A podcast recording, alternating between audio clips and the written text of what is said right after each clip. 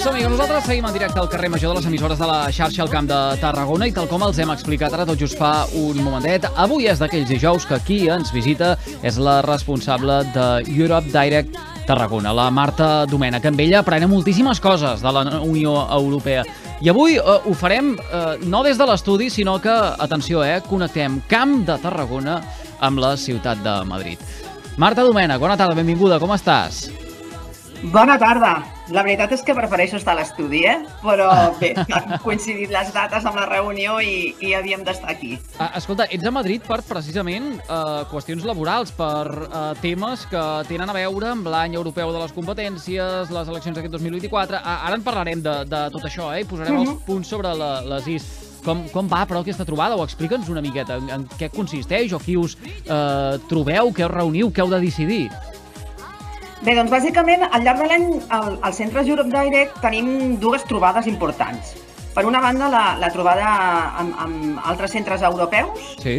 que aquesta la vam fer a Amsterdam fa tres setmanes.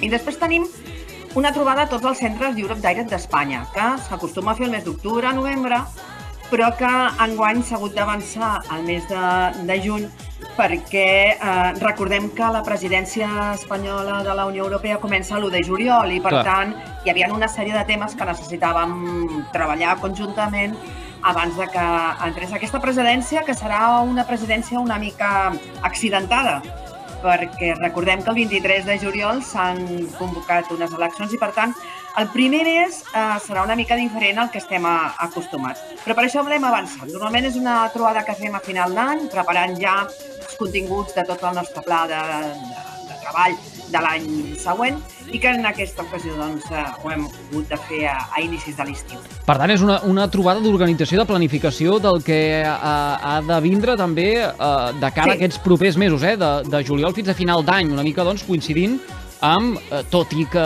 aquesta muntanya russa, no?, amb les eleccions per entremig, el que ha de significar la presidència per part de, de, de l'estat espanyol. Sí, i, i és, un, és un lloc on, on prenem molts apunts, on tenim moltes idees, on fem moltes microreunions. De fet, eh, eh, en aquests moments jo eh, m'estan esperant per, per una proposta que tenim per fer conjuntament entre diferents centres Europe Direct d'Espanya. Sí. Eh, Són uns dies molt, molt intensos, molt intensos, no són pas de, de vacances. I sí que ens preparem, es, ens intentem avançar d'alguna manera als principals temes que eh, tindran lloc eh, en els propers mesos. Mm. Ens, ens estimem més que sigui a final d'any, eh? perquè després nosaltres normalment després d'aquestes trobades és quan ens arriba el moment de presentar a la comissió les nostres propostes de treball. Enguany se fa amb molta antelació, per això que pel motiu que, que us he dit, i potser serà una mica més complicat fer aquest programa, però segur que, que serà un programa molt interessant, com el que intentem fer cada any. Uh, escolta una cosa, i quin és el pes que té uh, l'oficina de Europe Direct Tarragona uh, en aquesta, en aquesta convenció? Porteu la batuta, Valtro? Se, se us escolta a la gent del nostre territori o què? Doncs, home, em fa una mica de vergonya potser dir-ho, no ho hauria de dir jo, això. Però és veritat que, que som un dels, un dels centres més actius, sí, sí, sí, ho hem, ho hem de dir. Nosaltres tenim una activitat que fins fa relativament poc érem els únics que la fèiem, que era la simulació del Parlament Europeu, i que jo porto des d'ahir parlant amb companys que ja s'han atrevit a fer-ho en, en els seus territoris, i fins i tot amb, amb, amb modificacions respecte a la nostra, que són molt interessants i que crec que en algun cas ho afegiré jo de cara al, al proper curs 2023-2024. Però, per exemple, eh, ara he tardat una mica a, a poder venir perquè estàvem a, a punt de començar una reunió Sí. per preparar un escape room sobre temes europeus i ho farem amb diferents centres. La pandèmia ha portat coses bones i d'altres no tan bones. Ens havia de fer millors, no sé si ens ha fet millors o no, però a nosaltres ens ha ajudat molt, perquè fins a la pandèmia no estàvem acostumats a treballar amb xarxa. De fet, això, ara que no em sent a mi la, el, els, meus, els meus caps europeus, Uh, sempre se'ns ha demanat que els centres treballem amb xarxa, Sí. però se'ns han posat poques eines al nostre abast per treballar-hi. Amb la pandèmia no ens va quedar d'altre remei perquè tots vam haver d'anul·lar tots els nostres plans de, de treball, els nostres plans de comunicació i per tant ens vam haver d'espavilar entre nosaltres. Ens vam ajudar moltíssim i vam estar en contacte pràcticament diari. Mm, Va ser una, una experiència molt interessant i que d'allí han sortit coses molt xules. I ara estem fent molts eh, treballs conjuntament i projectes que després que cadascú li dona a l'enfocament del territori. Eh, evidentment no és el mateix a Ciutat Real que Castelló, Tarragona o que Donosti. Mm -hmm. Tots els hi posem el nostre, el nostre accent, el nostre enfocament, la nostra llengua. Sí. Però, eh, en el fons, són projectes que han sorgit de treballar conjuntament persones que dia a dia estem eh, amb temes europeus a les nostres mans i que ja sabeu que no són fàcils de, de comunicar. Mm, I tant, de vegades fins i tot eh, hem eh, nosaltres de... Eh, uh, baixar marxes perquè tothom ens entengui, eh? en el que expliquem Clar. en espais, en espais com aquest. Uh, això que deies ara de la, de la connectivitat, no? de treballar en xarxa, d'aquestes trobades telemàtiques. La pandèmia tot això ho ha accelerat, eh? Uh, a les Molt. oficines de Europe Direct i, i, a carrer Major, i em penso jo que tothom s'hi pot sentir identificat. Jo et volia Clar, és que preguntar... aquest programa, aquest programa que estem fent ara, per exemple, era impensable fa tres anys enrere. Ho Mhm. haguéssim fet o per telèfon, potser, o fins i tot haguéssim dit, doncs mira, deixem-ho per un altre dia. Clar, I ara ens és igual. I tant, uh, vaja, hem descobert un nou món, eh, amb les videotrucades. De Sí, vegades també un sí, món sí. ple de maldecaps, uh, amb allò que cauen o que no hi ha connexió, que es pixela, eh, però vaja, uh, toquem fusta i esperem uh, arribar amb bon peu a la recta final de- d'aquesta conversa. Uh, et volia preguntar, deia Marta mentre t'escoltava, com és que hi ha uh, centres o oficines de Europe Direct que, que mm, estan més al ralentí uh, a, a nivell de, de, de l'Estat o no sé si em permets, No, diria no, que, no està- que, que, que hi ha com a, més, apalan més apalancades, no sé si ho puc dir, o que, o que potser Sí. no tenen tanta iniciativa. Com, com, com, com s'explica això tenint en compte que al final el projecte és comú o tot penja d'una mateixa mare?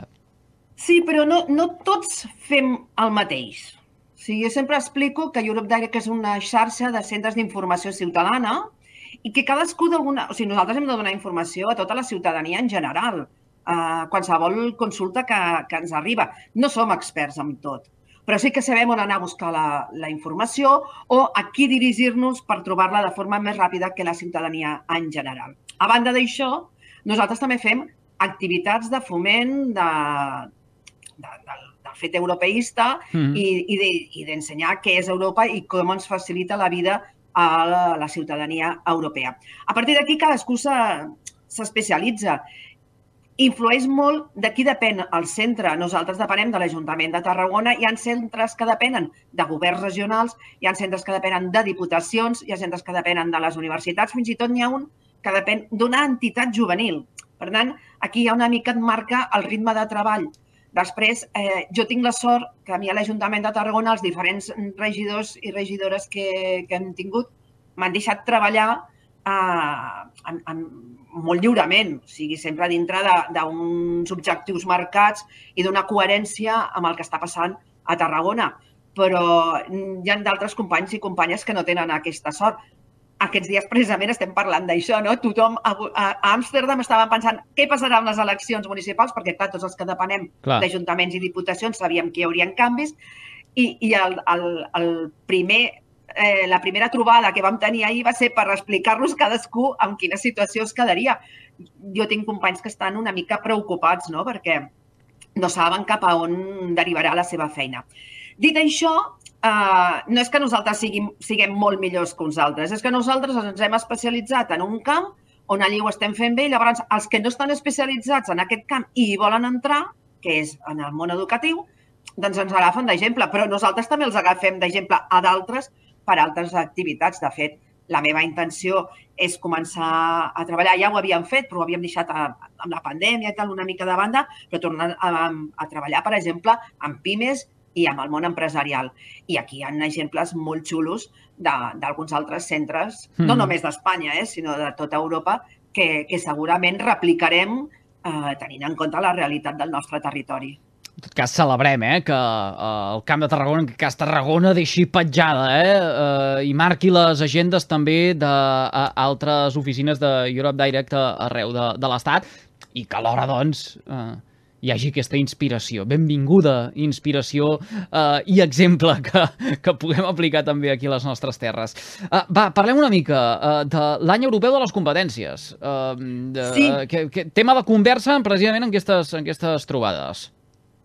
Doncs sí, avui, precisament aquest matí, hem estat parlant de l'any europeu de les competències. Ens explicaven que mm, en aquests moments un 38% de les ocupacions que, que hi ha a Europa eh, no hi pot accedir persones degudament formades i que un 90% de les persones ocupades a Europa no tenen les competències digitals adequades.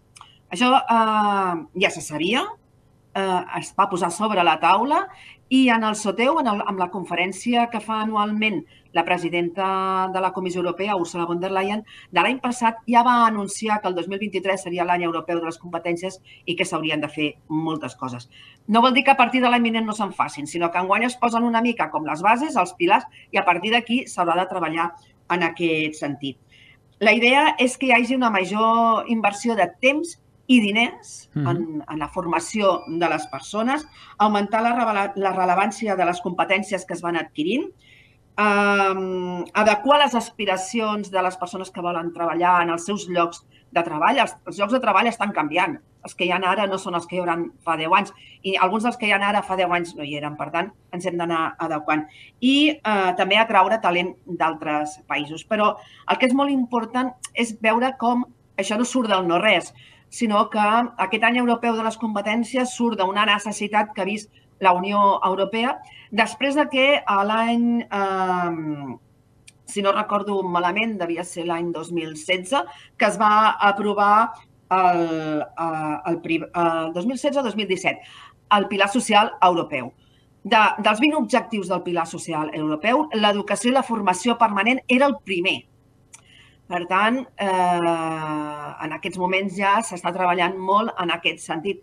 Es vol que en aquest període 2021-2030 s'arribi a, a que hi hagi un 78% de la població activa amb llocs de treball, que estigui treballant, unes xifres molt ambicioses, que per exemple en el cas de l'estat espanyol, que van sortir ahir les xifres de, de l'atur, sí. continuem estant a la cua un cop més, i després també que abans del 2030 un 60% dels adults facin formació permanent. De fet, avui ens han avançat que s'està fent una... s'està treballant sobre una recomanació. La Unió Europea té directives que són d'obligat compliment, eh, però les recomanacions són això, recomanacions als estats, perquè eh, es faci arribar una dotació econòmica a tots els treballadors en actiu perquè els inverteixin en la seva formació permanent. A vegades ens oblidem, un cop ja hem estudiat, sigui uh, un cicle formatiu, la universitat, el que sigui, hem estudiat i ens en oblidem ja de, de seguir-nos formant i ens hem d'anar seguint formant al llarg de tota la nostra vida perquè sempre es, va, es van modificant de, la nostra mateixa professió a uh, molts aspectes. I uh, un d'aquests aspectes claus també serà, sens dubte, a tot allò que té a veure amb la transformació digital. Hmm. El reciclatge aquest permanent que hem de fer tots i totes, sí. eh? El que passa que, uh, Marta, deies, uh, hi haurà una bossa de diners que haurà de gestionar uh, la mateixa persona, el mateix treballador. És a dir, això no ve a càrrec de l'empresa, uh, sinó que hi ha d'haver la, la voluntat d'aquest individu de uh, formar-se o d'ampliar els seus eh, coneixements, suposo que en relació a, a la seva professió. Sí, no ens han sabut uh, explicar de quina manera, en el cas de l'estat espanyol, es farà. Es veu que l'estat espanyol està en un programa pilot que aviat es farà públic, però que hi ha alguns estats que ja ho han posat en pràctica. Es tracta d'això, donar diners a, una, a un treballador perquè es formi. El que no sabem és si es farà a través d'una nòmina, a través d'un poc, com ara està de moda fer-ho, o, o de quina manera. Mm, clar, jo, per exemple, eh, que, que soc treballadora de l'Ajuntament de Tarragona, jo intento formar-me contínuament, la formació és, és, és lliure i personal, vull dir, a mi ningú m'obliga, si no és per un tema que estigui molt relacionat, per exemple, amb la gestió administrativa de dins de la casa. No? Precisament amb Fons Next Generation s'ha fet tota una, una, una transformació digital de la gestió a l'Ajuntament de Tarragona. Tenim el programa Iris, sí. i aquí sí que s'ha hagut de fer una formació obligatòria de tots els treballadors, com és lògic, no? Però en molts altres temes no, ho faig jo perquè, perquè sempre he cregut en la formació permanent i perquè, a més a més, ara he de donar exemple. Clar, aquesta formació aquests diners que ens donaran, no sé si me'ls donaran a mi directament, me'ls donaran a través de les empreses. Eh, suposo, com és una recomanació, suposo que cada país ho gestionarà d'una forma diferent i hi haurà països que no, no ho faran. No, no, això, sens dubte, eh, pot passar, no? Però sí que mm, ens han dit que en aquest sentit eh, estem molt avançats. Mm. Caldrà esperar.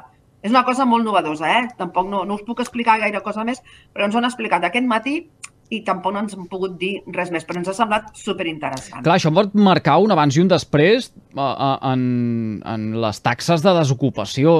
Tenim un atur eh, disparadíssim, eh, fins i tot en unes, hi ha unes franges d'edat que preocupen, molts joves que han de marxar, eh, poder canviar les coses en aquest sentit ha d'anar de mà també de l'administració, vull dir que, que aquí tindreu molt de feina, vosaltres també.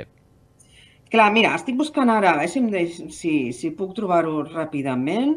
Mira, les taxes d'atur que han sortit el mes de maig a nivell d'Europa, eh, a l'estat espanyol està en l'últim lloc de la llista, tenim un 12,7% segons l'Eurostat i la mitjana europea és del 6%.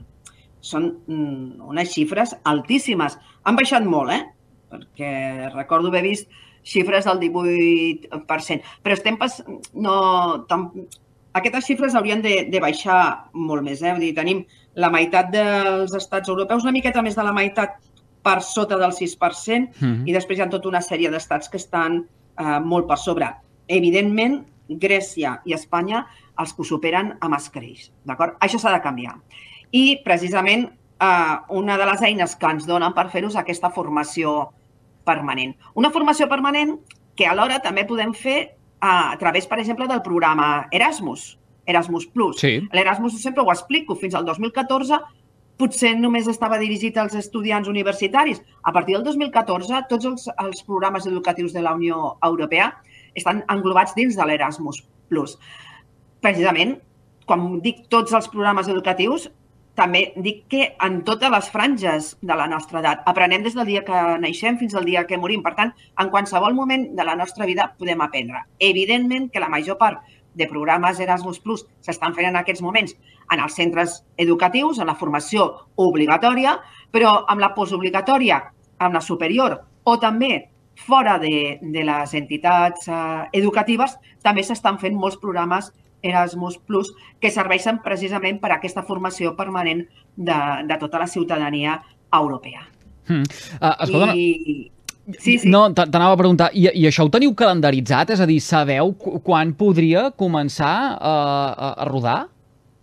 No, l'únic que sabem és aquestes xifres que us he donat jo ara, no? que abans del 2030 o el 2030 hem d'arribar a tenir un 78% de població activa empleada i un 60% dels adults que facin formació permanent. Aquests són els objectius que s'ha marcat la Unió Europea. Mm. Són objectius molt, molt ambiciosos, però que, que també impliquen que, per exemple, una altra dada que ara veig, eh? perdoneu que no me'n recordava, el 2019 hi havia 19 milions de persones a la Unió Europea amb risc d'exclusió social, el 2030 l'objectiu és arribar a 15 milions de persones. És moltíssima gent, mm -hmm. ho sabem, però, clar, eh, en, són xifres que, que poden semblar com a molt ambicioses, això, molt grans, però que estem acostumats a veure que després s'acompleixen normalment. Per tant, volem ser optimistes i amb les diferents eines que se'ns vagin posant a poc a poc a l'abast, doncs eh,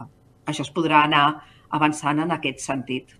Va, doncs... Però ara mateix no, no, no tenim més informació. Vull dir, fa sis mesos que l'any europeu ha començat, ara és quan s'estan establint tots aquests objectius, totes aquestes eines, i a partir d'aquí és quan se començarà a, a treballar. Per tant, a partir del 2024 segur que aniran sorgint moltes més novetats i molt interessants. L'esperança posada en poder millorar aquestes eh, xifres i tota la mirada centrada en quan arribin més notícies, segur que nosaltres les podrem explicar. Uh, Marta, més enllà d'això, uh, dèiem que uh, en començar avui també s'està parlant, no, en, aquesta, en aquesta trobada a Madrid, s'està parlant molt bé també uh, de, de, de les eleccions del 2024, d'aquest 23 de juliol proper, sí. i de com influiran en la presidència espanyola del Consell de la Unió Europea. Uh, això, això com, com, com ho esteu gestionant? O quin és el paper que, que teniu vosaltres als centres d'Europe uh, Direct uh, a nivell d'estat? De, com us influeix el fet que uh, Pedro Sánchez o qui sigui, a, partir de, a partir dels comicis del 23 de, de juliol, presideixi la, el Consell de la Unió Europea? Doncs portem molts mesos treballant-hi. I ahir la nostra preocupació és saber tot allò que hem fet servirà d'alguna cosa o no. Clar. La nostra preocupació és que, per exemple, Tarragona, 20, 21 i 22 de juliol hi ha d'haver a Tarragona una reunió de, eh, els de representants de les ambaixades europees a la Unió Europea. D'acord? És una reunió que no sabíem si quedava en l'aire o no. Per ara no s'ha suspès, però clar, és que el 22 de juliol és... La, la jornada de reflexió. Ja, abans de les eleccions, per tant, ahir jo vaig parlar amb un responsable de la comissió perquè em preocupava molt, perquè per una vegada que Tarragona pot ser un centre europeu, doncs jo tenia moltes ganes de saber si la podríem fer o no, aquesta trobada uh, a les comarques tarragonines. Eh? No, no estic parlant de Tarragona ciutat, mm -hmm. ciutat sinó que uh, arribarà a totes les comarques. I em van dir que sí, que com no hi havia previst la participació de cap ministre, eh, era molt probable que es pogués fer. El que passa és que, clar, informativament mm, la seva presència en els mitjans baixarà molt, perquè en aquell moment la prioritat informativa serà una altra. Però sí que tindrem, si no passa res, 20, 20 21 i 22 de juliol a Tarragona, allotjats a Tarragona ciutat, però que visitaran, tot, visitaran tota la província, a representants de les ambaixades de la Unió Europea. Visitaran el Delta, sé que visitaran la indústria química, Poblet, el Priorat, la ciutat de Tarragona, evidentment. Vull dir que faran un recorregut intens mm. eh, durant aquests dies. Què fem nosaltres? Acompanyament i difusió de les activitats. En altres llocs eh, sí que s'han preparat activitats més de relació directa amb un ministre, amb un comissari, Eh, de la Unió Europea, mm, bé, depèn una mica de les característiques de les reunions que es fan a, a cada ciutat. Clar, les que es fan des de l'1 de juliol fins, no sabem ben bé quan, se suposa el 18 d'agost, hauria de ser quan es constituïssin les Corts. Tampoc no sabem si es, podrà, si es constituiran, però no sabrem si automàticament després hi haurà un govern o no. Clar, tot això eh, ballarà. En el cas de Tarragona espero que no, que no perilli és una, no és una reunió de molt alt nivell, no hi ha mm. ministres, però en aquest cas ens afavoreix perquè es podrà, es podrà fer i podrem tenir aquesta presència important en el nostre territori, que això serveix perquè després aquesta gent, quan arriben en els seus estats, parlin del canvis i, i sempre ajuda a sinergies entre diferents territoris europeus. Clar, suposo que aquesta també és una molt bona carta de presentació no? per vosaltres, pels, pel, pels, uh, per les oficines d'Europe uh, Direct de tot l'Estat, el fet que uh, sigui precisament Espanya qui uh, presideixi el Consell de la Unió Europea. Serveix per treure pit també de la feina feta. Clar. El que passa és que ara pot quedar tot una mica diluït o un pèl descafeinat. Sí, sí, hi ha centres que tenien preparades activitats molt interessants i que algunes, algun, poques, però algunes s'ha suspès i d'altres quedaran descafeinades totalment, perquè, clar, mm, fins al... fins no sabem quan, però com a mínim fins a mitjans d'agost no tindrem govern. Escolta una cosa, i com, com afecta a, a, la, a la presidència directament del Consell de la Unió Europea el, el fet que um, hi hagi doncs, un govern en funcions, eh, que eh, s'hagin de celebrar les, les eleccions. Eh, això incideix d'alguna manera? És a dir, eh, fa, fa que hi hagi el, el, algun parèntesi enmig de tot plegat? Que, que els càrrecs doncs no. eh, quedin... No? No. Recordo que Macron també va celebrar les seves eleccions enmig de la seva presidència, la presidència de França. Per tant, no, no passa res perquè Espanya no és um, no treballa sola organitzant el treball d'aquests sis mesos, sinó que es treballa en trio. És a dir, que Suècia, que és l'actual presidència de la Unió Europea, treballa amb Espanya i després, um, crec, perdoneu-me, eh, que estic ara una mica fora de lloc, però crec que és Hongria. Sí, crec que és Hongria qui ve després de l'estat espanyol. Per tant, el ser una, els objectius no es marquen de zero ara, sinó que ja es porten arrossegant i que és un treball conjunt de tres països, però que sempre hi ha un que salta cada sis mesos, però se n'afegeix un altre. Per tant, en cap moment es trenca. També hem de dir que no és una persona, Pedro Sánchez no presideix, presideix de forma um, simbòlica, mm -hmm. però que hi ha tot un equip de treball de les pròpies institucions europees sí. que conjuntament amb aquest trio va treballant. Per tant, afecten què? Amb aquestes activitats més de cara a la ciutadania. Es volia portar les institucions europees a la ciutadania i aquí sí que tenim un problema perquè la llei euro, eh, espanyola electoral és molt restrictiva. De fet, a les eleccions europees també tenim nosaltres uns problemes que no tenen la resta. Hem de quadrar els temps perquè a, mm, la llei espanyola mm, electoral eh, dona dret a l'abstenció. Això vol dir que em sembla que són sis setmanes abans de les eleccions tu no pots demanar institucionalment el vot. Ja no dic compartit, eh? sinó que la institució no pot demanar que la gent vagi a votar. En canvi, això a la resta d'Europa no passa. Per tant, la campanya paneuropea de les eleccions europees de l'any vinent s'haurà d'adaptar perquè l'estat espanyol no quedi durant sis setmanes sense una campanya institucional que no, no sabem ben bé què, què dir. Jo ho recordo, eh, que ens va passar el 2015. Ens va arribar el material just el dia que vam deixar de poder dir que es podia anar a votar. I, i va anar tot el material a la brossa, clar, ens vam, ens vam indignar. Uh, perquè a més eren molts diners a la brossa, vull dir, això no podia passar. En el 2019 ja es va, va solucionar bastant, però no deixa de ser un problema, perquè, clar, hi ha una estratègia de comunicació des d'ara fins al mes de juny de l'any vinent, que en el cas de l'estat espanyol doncs s'ha d'adaptar amb els tempos i no és, no és fàcil, clar, són 27 estats clar. diferents, amb 27 lleis electorals diferents. Potser hauríem d'anar tots cap a una mateixa llei electoral, no sé. Ai, ai, ai, ai, ara aquí has obert un meló que, que, que sí, no, no, sí, sí, no sí. continuarem, eh? A veure, som especialets, ja ho, ja ho sabem, això, i com que d'eleccions ja en comencem, a, i d'eleccions i de campanyes ja comencem a tenir certa experiència, ja anem uh, rodats, uh, sí, cert, la llei electoral ostres, potser algú l'hauria d'agafar i, i, i posar-hi una mica de, de seny i ordre, però vaja... Uh... Actualitzar-la, diguem actualitzar-la. Això són figues d'un altre paner, ho deixarem per, per uns altres. Marta Domènech, ho haurem de deixar aquí. Escolta, gràcies per fer-nos confiança avui des de la distància, per haver pogut fer un foradet a la teva agenda i poder-nos atendre des de, des de Madrid. Que acabin d'anar molt bé aquestes reunions. Quan tornes cap a Tarragona? Uh, demà divendres. Demà divendres. Demà divendres ja, ja s'acaba. Doncs escolta, que vagi molt bé el que, el que queda d'estada de, i bon viatge de tornada. Moltes gràcies. Que vagi molt bé, a reveure. Fins a la propera. Adéu-siau.